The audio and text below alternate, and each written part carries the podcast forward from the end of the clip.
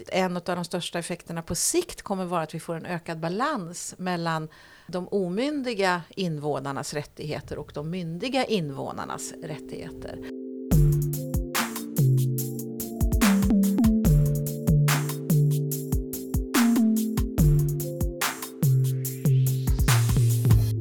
Hej och välkommen till det 29 avsnittet av FoU-podden. Det här avsnittet kommer att handla om barnrätt. Och eh, jag som gör podden heter Lena Stenbrink och är kommunikatör på FoU i Sörmland. Med mig här i studion har jag Monica Gustafsson Wallin och Camilla Hesselbäck. Varmt välkomna. Mm, tack så mycket. Tack. Vi börjar med att ni presenterar er helt enkelt. Ja, jag heter Monica Gustafsson Wallin och jag är verksam som barnrättsstrateg. Eh, jag jobbar med föreläsningar och utbildningar om FNs konvention om barnets rättigheter och eh, barnperspektiv. Jag heter Camilla Hesselbäck och eh, jobbar som utvecklingsledare här på FoU. Främst inom området barn och unga. Mm. Och nu sa vi att det ska handla om barnrätt. Kan ni förklara lite, vad, vad menar man med det då? Barnrätt, ja det är ju många olika saker. Det kan ju vara barnets rättigheter enligt FNs konvention om barnets rättigheter. Alltså själva de mänskliga rättigheterna och konventionen. Men det är ju också, handlar ju också om en syn på barn och barndom. Och också rent pedagogiskt och praktiskt. Att göra barnrätt. Att eh, jobba med barnets eh, mänskliga rättigheter i våra professioner och i våra välfärdsuppdrag. Så det är lite olika dimensioner och lite olika ingångar till det här med barnrätt. Men det handlar ju om att invånarna och de som befinner sig i Sverige som är under 18 år har ett antal mänskliga rättigheter som eh, gör dem till rättighetsbärare och vuxna och staten till skyldighetsbärare. Men nu är det så här att barnkonventionen kommer att bli lag 1 januari 2020. Vad innebär det egentligen? För jag trodde att eh, redan barnkonventionen, att den funkade som en lag, eller att man ändå var tvungen att följa den. Mm, så kan man säga att den gör faktiskt. Så att det blir ju inte egentligen kanske några större skillnader på det sättet, mer än att, eh, att man eh, medvetandegör. Det här med fake news är ju populärt nu för tiden. Och när jag är ute och föreläser nu så brukar jag faktiskt inleda med att säga att de här rubrikerna om att eh, FNs konvention då om barnets rättigheter ska bli lag, det är fake news. För det har varit lag i Sverige sedan 1990. Mm. För då ratificerade Sverige den här konventionen. Mm. Och när man ratificerar en konvention då har staten och vårt eh, välfärdssystem åtagit sig att jobba med de här rättigheterna. Så det är lite fake news. Det är så att egentligen så har lagstiftaren, alltså politiken stämt att vi har inte gjort tillräckligt ännu under de här åren, 30 åren då, som konventionen redan har funnits i vårt lagsystem. Utan vi måste bli bättre, vi måste göra mer. Så skillnaden kommer väl att vara att vi måste i högre utsträckning lära mer, prioritera på ett annat sätt och skaffa oss bättre vardagsnära arbetsrutiner. Vi kommer ett steg närmare att stärka barns rättigheter. Så.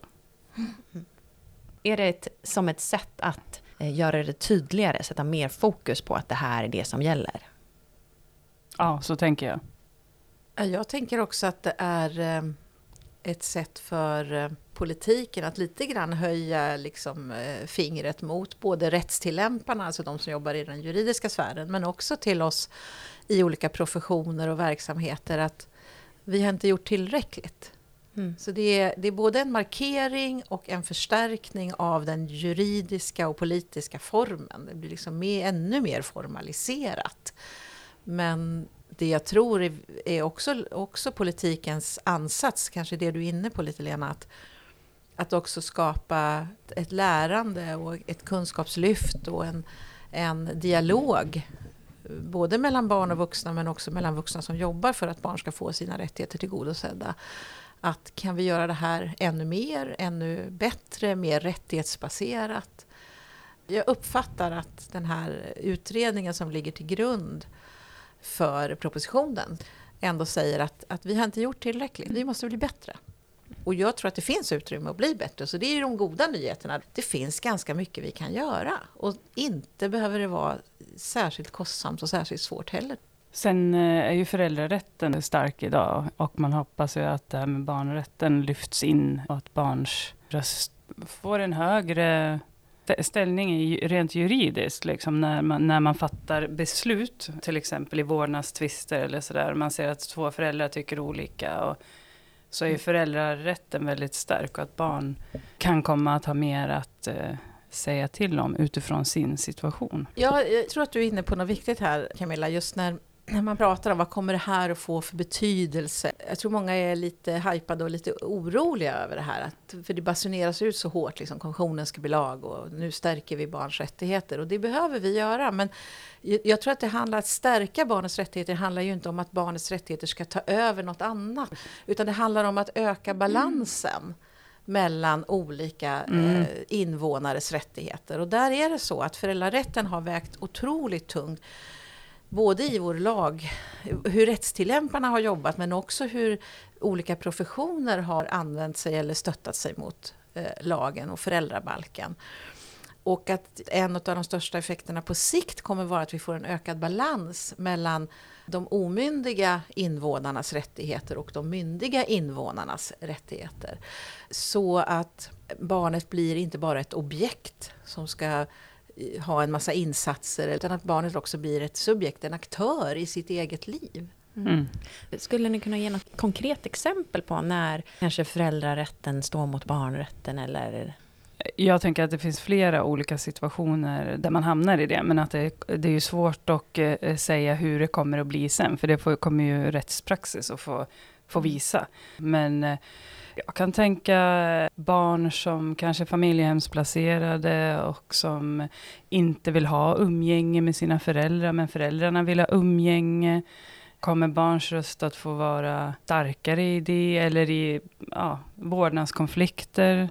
Där föräldrar tycker olika och båda, kan, eh, båda är vårdnadshavare och eh, ett barn inte kanske har så mycket att säga till om i det. Det är bra exempel det här. Liksom. Familjerätten är ju ett väldigt skarpt läge som innehåller både juridik, etik och arbetssätt. Det vi kommer att behöva bli bättre på är att göra prövningar av barnets bästa, både ur ett juridiskt perspektiv men också ur ett utredande perspektiv eller ett möjliggörande perspektiv inom socialtjänsten, inom skolan, inom hälso och sjukvården. Att vi ska inte bara tycka att någonting är bra för barnets bästa, utan vi ska också veta att utifrån lagen, utifrån barns rättigheter, konventionen, utifrån praxis och forskning och vad barnen själva säger. Och ett konkret exempel är ju att det räcker inte längre att säga att ja, men jag har också varit barn och jag vet hur barn tänker. Eller vi har pratat med föräldrarna så därför vet vi hur barnet tänker. Utan vi kommer behöva göra ålders och mognadsbedömningar som är relaterade till den frågan eller den kontexten som barnet befinner sig i. Är det här barnet moget att vara med? Alla barn ska bli lyssnade till och alla barn ska få stöd i att uttrycka sina åsikter. Och sen i hur hög grad barnet ska vara delaktigt till exempel i ett beslut eller i hur grad barnets åsikter ska vägas in i ett beslut. Det handlar ju om att vi vuxna ska bli bättre på att göra ålder och mognadsbedömningar. Och väldigt konkret kan ju det till exempel i hälso och sjukvården handla om att man låter ju inte barn ta medicinska beslut, för det gör professionen. Det är de som har rätt att göra det. Men ett barn som till exempel har levt med en kronisk eller en svår sjukdom i kanske 7-8 år och som är 10 år, kanske faktiskt kan vara med och bestämma om nästa behandling och hur den ska gå till, eller om man vill avstå en behandling som man inte vet kommer att leda till någonting. Däremot om ett barn får en urinvägsinfektion och går till vårdcentralen så handlar det ju inte om att barnet ska vara med och bestämma huruvida den ska ha medicin eller inte. För det kan inte ett barn bedöma. Så det handlar ju om att vi, vi behöver bli bättre på att jobba utifrån varje också enskilt barns bästa. Men eh, hur kan man göra nu då när man vill göra barn mer delaktiga? När jag tidigare jobbade som strateg i Region Sörmland med barns rättigheter, då samtalade vi med barn som hade erfarenhet av vård eller att vara närstående i vården. Och då var en av våra frågor, hur kan man få veta mer om hur barnen tycker om hälso och sjukvården? Och då var det en pojke som sa så här, ja men ni kan ju fråga varje gång. och lite grann så, så tänker jag att vi måste liksom tänka på att bjuda in barnet till att lämna sin åsikt i varje stund, i varje ärende, i varje vardagligt arbetsmoment. Och då tänker någon, herregud vad mycket mer jobb det där blir. Nej men barnen är ju där. Ställ mm. frågan när de är där. Har du några egna frågor?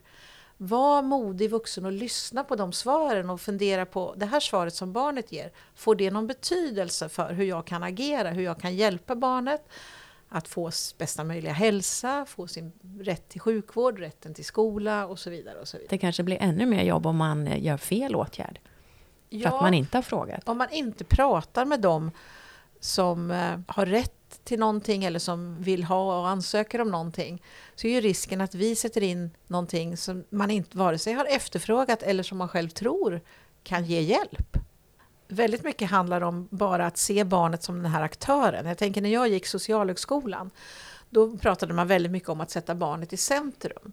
Och så ritade man det som en triangel. Man satte barnet i triangeln och sen i de här tre spetsarna så var det då föräldern i ena spetsen, kanske socialtjänsten i den andra och så kanske det var skolan i den tredje. Och så skulle vi alla rikta vår fokus mot mm. barnet. Jag tänker att vi måste mer jobba utifrån en fyrkant där vi sätter frågan kring barnet i centrum och där den ena delen av fyrkanten så kommer liksom föräldern och sen kommer socialtjänsten och så kommer skolan. Och den fjärde kanten, där kommer barnet själv mm. med sin beskrivning och sina förslag på lösningar.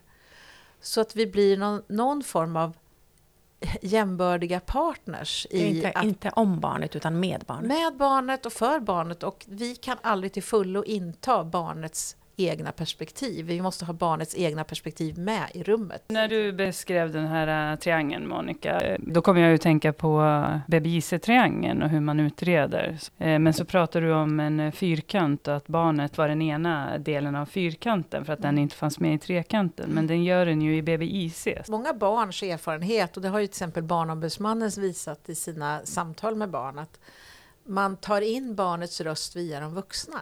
Inte barnets röst utifrån barnet själv. Men hur ser det ut i BBIC-triangeln då? Tanken är att man ska ta in barnets röst utifrån barnet själv och inte via vuxna. Sen är det ju klart att man inte gör det om, om barnet är för litet möjligtvis. Men i, i alla utredningar så ska det göras mm. via barnet. Och jag tror att man gör det för det mesta, men jag tror inte att man gör det alltid rättighetsbaserat och på ett likvärdigt sätt, så som vi jobbar med de vuxna. Och då menar jag inte att man ska jobba lika med barn och vuxna det finns ganska mycket forskning som visar att när vi pratar med barn så pratar vi inte med barnen om det som är problemet, utan vi frågar dem om till exempel om problemet är våld i hemmet så pratar vi inte så mycket om våld i hemmet utan vi frågar hur de har i skolan, om de har kamrater. Förvisso viktiga variabler men barnet får faktiskt ganska ofta inte frågor om det som är sakfrågan till att man till exempel är föremål för socialtjänstens mm. insatser. Och där håller jag med dig. Och det kan ju se olika ut också, tänker jag, utifrån vilken del av socialkontoret man jobbar på. Jobbar man just med barnutredning så tänker jag att man är mer tränad eller van vid att prata mm. med barn. Men alltså man kanske jobbar på försörjningsstöd eller eh, i familjer där föräldrarna har problem, missbruksproblematik så kan jag tänka mig att, att barnen inte är lika involverade. Vilket de faktiskt behöver vara. För eftersom, ja. Utifrån ålder och mognad såklart. Så. Alltid utifrån ålder och mognad, tänker jag. Men det står ju både i, i nästan all lagstiftning där vi har transformerat in hittills barns rättigheter, så står det ju att vi ska ta hänsyn till ålder och mognad och göra ålder och mognadsbedömningar. Det står i patientlagen, det står i socialtjänstlagen, det står i skollagen och det står i föräldrabalken. Mm. Men däremot så har, är vi väldigt få som har fått en bra grundutbildning i vad innebär det att göra ålder och mognadsbedömningar. Mm. Det finns nästan inga grundutbildningar idag som eh, ger det. Alltså när du utbildar dig till pedagog eller socialarbetare eller mm. så, så har du inga obligatoriska kurser som handlar om ålder och mognadsbedömningar. Men vi har ett lagkrav på oss att göra ålder och mognadsbedömningar. Mm. Men där kan jag, vi bara slå ett slag för Socialstyrelsens kunskapsstöd där, att bedöma precis. barns... Ålder och mognad. Ja, precis. Det är ett jättebra kunskapsunderlag och de ja. har även ett kunskapsunderlag som heter att samtala med barn och unga och båda de två eh, ger jättemycket grund att stå på när, hur man kan tänka när man ska utveckla sina vardagliga arbetssätt. Precis. Kan vi länka till det? Ja, men det kan vi göra. Den heter mm. Bedöma barns mognad för delaktighet. Va? Mm. Uh, hur kan man tänka då i sin verksamhet? Eller liksom, vad ska man göra för att veta att man arbetar utifrån ett barnrättsperspektiv? Jag tänker att man måste börja med att analysera nuläget. Hur ser det ut? Hur jobbar vi? Alltså att man gör en inventering. Hur ser kunskaper ut? Vad behöver vi fylla på med? Jag är helt med dig Camilla och jag tror att lärandet om konventionen är en bra grej att utgå ifrån. Att börja i sin arbetsgrupp eller på, på sin enhet att eh, läsa konventionen. För hur ska vi kunna implementera någonting om vi faktiskt inte vet vad det står där? Mm. När man gör det så kommer de här övervägningarna. Ja, men hur, gör vi, hur tänker vi om barn? Att, Mm. Jag brukar prata mycket om att knåda sin barnsyn och att, att prata om begrepp som barn, barndom, barnperspektiv, barnets perspektiv. I de utbildningar jag gör så brukar det oftast vara så att när jag frågar hur tänker du om barnperspektiv så får vi ganska många olika svar i rummet. För vi menar helt olika saker och jag tror att både ni som lyssnar nu och ni som sitter här har väl alla suttit någon gång och sagt till exempel om man jobbar på socialtjänsten. Så, hälso och sjukvården, de har ju inget barnperspektiv. Hur ska vi kunna samarbeta? Eller skolan så säger jag, det är så svårt att jobba med socialtjänsten, de har inget barnperspektiv. Och så tycker vi om varandras barnperspektiv. Men vi har för det första inte definierat ordet barnperspektiv i vår egen profession och vår egen verksamhet, vad vi menar. Och vi har definitivt inte samtalat över enhets-, verksamhets och professionsgränser.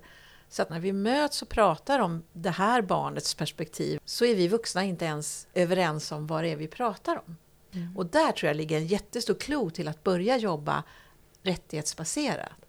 Man lär sig om konventionen, man knådar sina begrepp. Så att barnperspektiv, barnrättsperspektiv och barnkompetens blir liksom en pall med tre ben. Eh, Monica, du har väl varit med och tagit fram en kortlek via Ja. SKL som man skulle kunna använda sig utav, eller hur? Precis, vi tog fram en kortlek med alla artiklarna i konventionen med frågor på baksidan som en verksamhet eller en profession kan problematisera varje rättighet. Och numera så gör vi den, eller gör regionen den ihop med SKL. Så den finns ju att beställa på SKLs hemsida. SKL har för övrigt jättemycket bra lärande material om konventionen och barns rättigheter. Det finns lärandesamtal, det finns powerpoint-presentationer och Mm. den här kortleken och små lätta skrifter om prövning av barnets bästa och barnperspektiv och så. Så man behöver inte skicka sin personal på dyra utbildningar och sådär i barnkonventionen, utan det finns ju massor som man kan göra tillsammans i arbetsgruppen. Absolut. På vilket sätt skulle man kunna jobba med din kortlek till exempel? Den kan man till exempel om man har arbetsplatsträffar så kan man ha, ta en artikel vid varje arbetsträff och så diskutera frågorna som är på baksidan. Till exempel kortet om barnets bästa, att vi ska beakta och bedöma barns bästa, artikel 3 som ju är grundprincipen för hela konventionen. Det etiska nålsögat brukar man kalla den artikeln. Eh, och då är det frågor på baksidan. Vad betyder barnets bästa för dig? Hur jobbar vi med bedömningar av barnets bästa här? Kan vara en sån. Och då blir det ju relaterat till den profession och de uppdrag vi har. För det tror jag också är någonting som är väldigt viktigt. Alla pratar ju idag om åh, ännu ett perspektiv.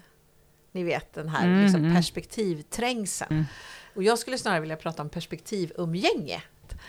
Barns rättigheter kommer inte vara ytterligare en pålaga utan det är något som vi ska professionalisera in i våra professioner. Så vi ska Mm. liksom höra ihop med den yrkeskunskap och de uppdrag jag har att utföra. Det är ingenting som ska klistras på utanpå. Du, du tänker eh, att det finns olika perspektiv som jämställdhetsperspektiv, hbtq-perspektiv. Ja. Ja, När jag jobbar rättighetsbaserat säger jag att vi ska jobba utifrån konventionerna. Vi ska lära om de mänskliga rättigheterna, de konventioner som Sverige har ratificerat. Där står mål och visioner för våra välfärdsuppdrag. Och sen kan vi göra det genom att till exempel prata och verka för olika aspekter av människor, nämligen diskrimineringsgrunderna. Alltså ålder, kön, könsuttryck. Eller aspekter av en organisation. Folkhälsa, hållbarhetsmålen, Agenda 2030. I min värld så är både diskrimineringslagstiftningen och aspekter av människor och aspekter av organisationer verktyg för att omsätta de mänskliga rättigheterna. Utan grunden är de mänskliga rättigheterna och sen kan vi via folkhälsoarbete, via diskrimineringsarbete för att vara inkluderande, så kan vi se till att de mänskliga rättigheterna blir verklighet för människor i vardagen. Och då blir inte mänskliga rättigheter ytterligare ett perspektiv, utan då är mänskliga rättigheter den grund utifrån vilka vi jobbar i våra välfärdsuppdrag och i våra professioner. Mm. Och då handlar det om att professionalisera barnets rättigheter in i sin profession. Och det kan ju vara till exempel tänker jag för en väldigt konkret sak. Sjuksköterskor som jobbar med barn vet att för små barn så finns det forskning som visar att det är bra att avleda barn när man ska ta prov i armen. Så många sjuksköterskor blåser såpbubblor när man ska ta ett, ett venprov till exempel. Även om vi har det här som en vårdrutin. Men det finns barn som inte vill bli avledda, som vill vara där, där sköterskan är och se vad händer, varför gör du det där, varför sticker du där? Och då, att jobba rättighetsbaserat är att kunna gå ut från den här rutinen som vi jobbar med och se det enskilda barnets behov och det enskilda barnets röst som säger Jag vill inte se några förbannade såpbubblor, jag vill se vad du gör i min arm. Och för att jobba rättighetsbaserat då, då ska vi ha de här rutinerna som bygger på eh, forskning och beprövad erfarenhet. Men vi måste kunna frångå de arbetssätten när vi möter en individ som har rätt till olika saker, till delaktighet till exempel, på sitt sätt. Vi kan ju inte bara bestämma alltid hur delaktigheten ska gå till, utan vi måste vara lyhörda för att de vi möter också har en idé om delaktighet. Mm. Och det tänker jag är viktigt att tänka på, jag håller helt med, i alla situationer när man möter barn, att det som kan vara bra för ett barn eh, i en viss situation, inte alls bra för något annat barn, utan att det är en, en enskild bedömning i, i varje situation.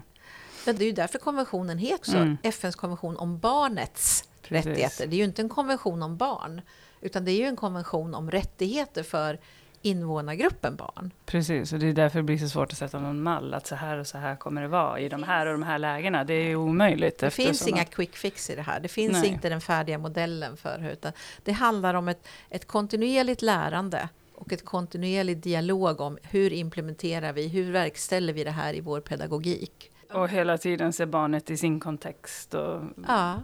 Och vi vuxna vill ju ofta så väl. Jag hörde en förskolechef för ett tag sedan som sa att att jobba rättighetsbaserat på en förskola, då måste vi börja tänka om helt och hållet hur vi lägger upp dagarna på förskolan. Hennes bild var att vi lyfter liksom av barnets huvud när barnet kommer till förskolan. Vi frågar inte barnet vad ville du göra när du kom till förskolan idag? Utan vi har en struktur och en Mm. mall och och det behöver vi ju ha delvis för att få verksamheten att fungera. Men skulle vi jobba mer rättighetsbaserat, då behöver vi också fråga barnen. Vad ska vi ha den här samlingen till? Eller ska vi inte ha samling idag? Eh, så jag tror att det handlar mycket om att vi vuxna också utmanas i det här sättet utifrån makt. Mm. Vem har makt att definiera begrepp? Vem har makt att bestämma om arbetssätten? Vem har makt att besluta om insatser och inte? Och var kommer människan in i det? Mm. Tycker ni att det är något mer vi borde ta med i den här podden som vi har missat? Jag tänker att det ena är ju att prata om barns rättigheter utifrån barnen och barnets perspektiv. Och det andra är ju att prata om barnets rättigheter utifrån vårt vuxna barnperspektiv. Och eh, jag tror att det handlar om att både vuxna och barn måste lära om rättigheterna. Det finns jättemånga barn som inte vet att de har rättigheter. Och inte minst till exempel inom socialtjänstens område så vet man inte att man har, man är bara en del av en familj eller en del av en utredning eller en del mm. av... Och det behöver vi ju bli duktigare på att prata med barnen om, om deras rättigheter också. Och få också barnen att hjälpa oss att beskriva hur ska de här rättigheterna då komma barnen till godo. Mm. Och det handlar om makt, det handlar om modiga vuxna.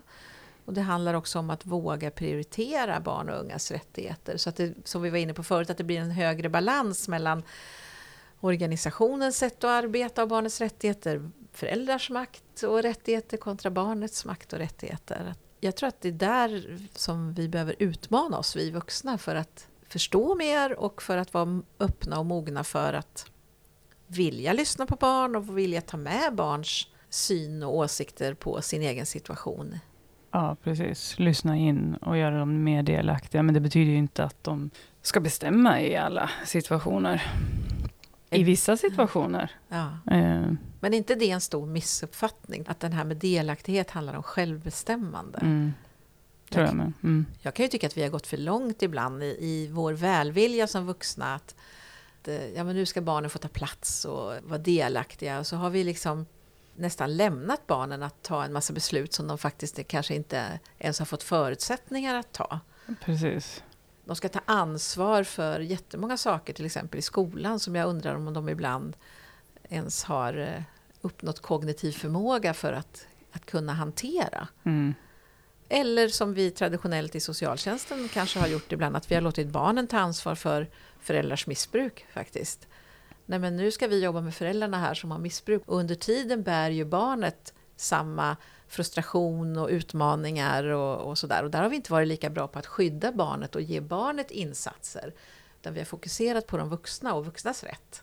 Och barnet befinner sig i det här hela tiden, i den familjen. Så. Ja, och likadant det här med barn som närstående. Där många har trott tidigare att ja, men vi involverar inte barnen så mycket för de ska inte drabbas av att mormor har blivit svårt sjuk eller någonting. Men det visar ju all forskning idag att för det första så vet barnen mycket mer än vad vi någonsin har trott. De är redan informerade fast på sitt eget sätt. Mm. Och eh, tar ett jättestort ansvar både för sig själva och för andra. Eller familjer i ekonomisk utsatthet till exempel, där barnen utvecklar egna strategier därför att ingen pratar med dem. Men hur funkar det här med delaktigheten då? Är det att eh, kommer barnen själva få bestämma mer nu? I vissa situationer tänker jag, att, men kanske inte mer nu än tidigare. Det är viktigt att barn är delaktiga och att man lyssnar på dem eh, och det de har att säga. Men det betyder ju inte att barn bes ska bestämma. Utan vi vuxna måste ju ändå göra en bedömning utifrån vad som är det här barnets bästa i en viss given situation. Ja, och det, det är väl en av de största myterna kring det här också med barns rättigheter. Att, att den här artikel 12 då, barns rätt till det, att få bilda en åsikt och, och ha, få med den, få ett säg i ett sammanhang. Att det betyder att barnen ska bestämma mer. Och det, det, så är det inte. Det är utifrån ålder och mognad och kontexten, vilket sammanhang. Eh, och där tror jag att det är snarare så kanske att vi vuxna ibland lämnar barnen till för mycket självbestämmande. Och igen, vi har liksom någon slags dualistiskt förhållande till det här. Å ena sidan så vill vi att barn ska vara med och bestämma en massa saker och ta ansvar för en massa saker. Å andra sidan i dagens samhälle så låter vi ju knappt barnen göra någonting utan att vi är där och hovrar och övervakar. Vi, Mm.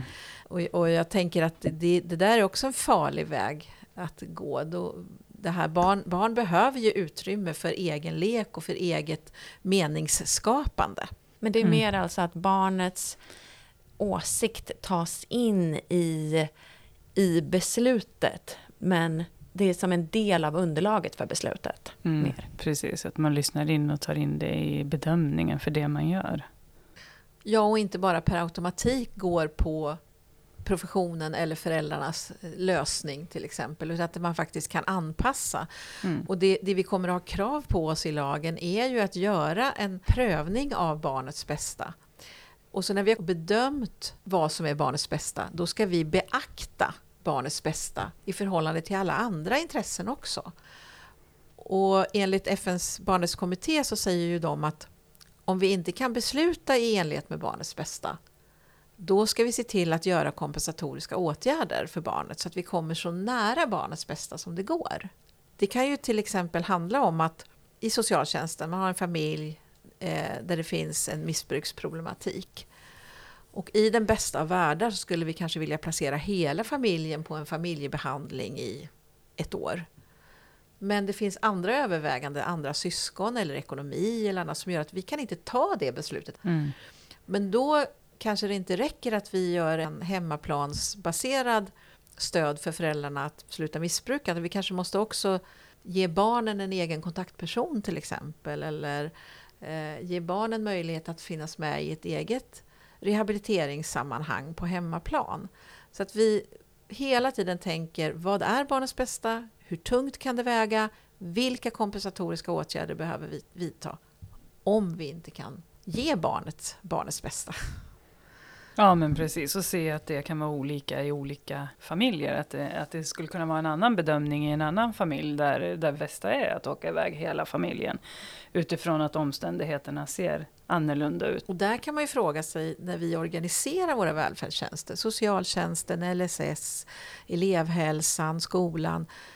Har vi en organisation som svarar upp mot att barn har rätt att bli sedda som en helhet och att barn har rätt till alla sina rättigheter? Eller organiserar vi oss utifrån organisation och sakfrågor och eh, olika arbetsmoment i välfärden. Det tror jag vi kommer behöva skruva på eh, om vi ska jobba mer rättighetsbaserat. Högre grad av samverkan runt barnet, högre grad av helhetssyn runt barnen och högre grad av medvetenhet om hur vi kan göra barn delaktiga. Absolut, det är jätteviktigt. Mm, eh, och I samband med att eh, den här podden kommer ut så tänkte vi också dela ut eh, tio böcker om barnkonventionen som Barnombudsmannen har gett ut. Monica, vad är det som är så bra med den här boken? Den eh, samlar hela konventionen, all text, både preambeln och alla artiklarna, de tilläggsprotokoll som Sverige har ratificerat. Du har också texten från den nationella strategin som gäller för Sverige. Och sen är det lite resonemang om olika begrepp som barn och barnperspektiv och så. Så det är en, det är en bra liten uppslagsbok och en bra bok att ha när man vill föra samtal om vad innehåller konventionen och vilka krav ställer den på oss i offentlig verksamhet. Mm. Så nu tänkte vi dela ut eh, tio stycken och det man behöver göra är att gå in och gilla FoUs eh, sida på Facebook. Sen att man gillar och delar podden och sen att man, om man går in och taggar en vän så får både du och din vän en bok. Mm. Och var taggar man? Man taggar i vårt Facebook-inlägg om podden, eller? Precis. Vad spännande. Mm. Vi sprider kunskap här. Ja. Det är härligt. Mm. Ja. Ja, så gör det, så får ni en fin liten bok. Mm. Tack så jättemycket för att ni ville berätta om det här ganska komplicerade. Tack. Tack. Och till dig som har lyssnat så vill jag säga tack så jättemycket för att du har lyssnat. Mm. Ha en bra dag. Hej då. Hej då.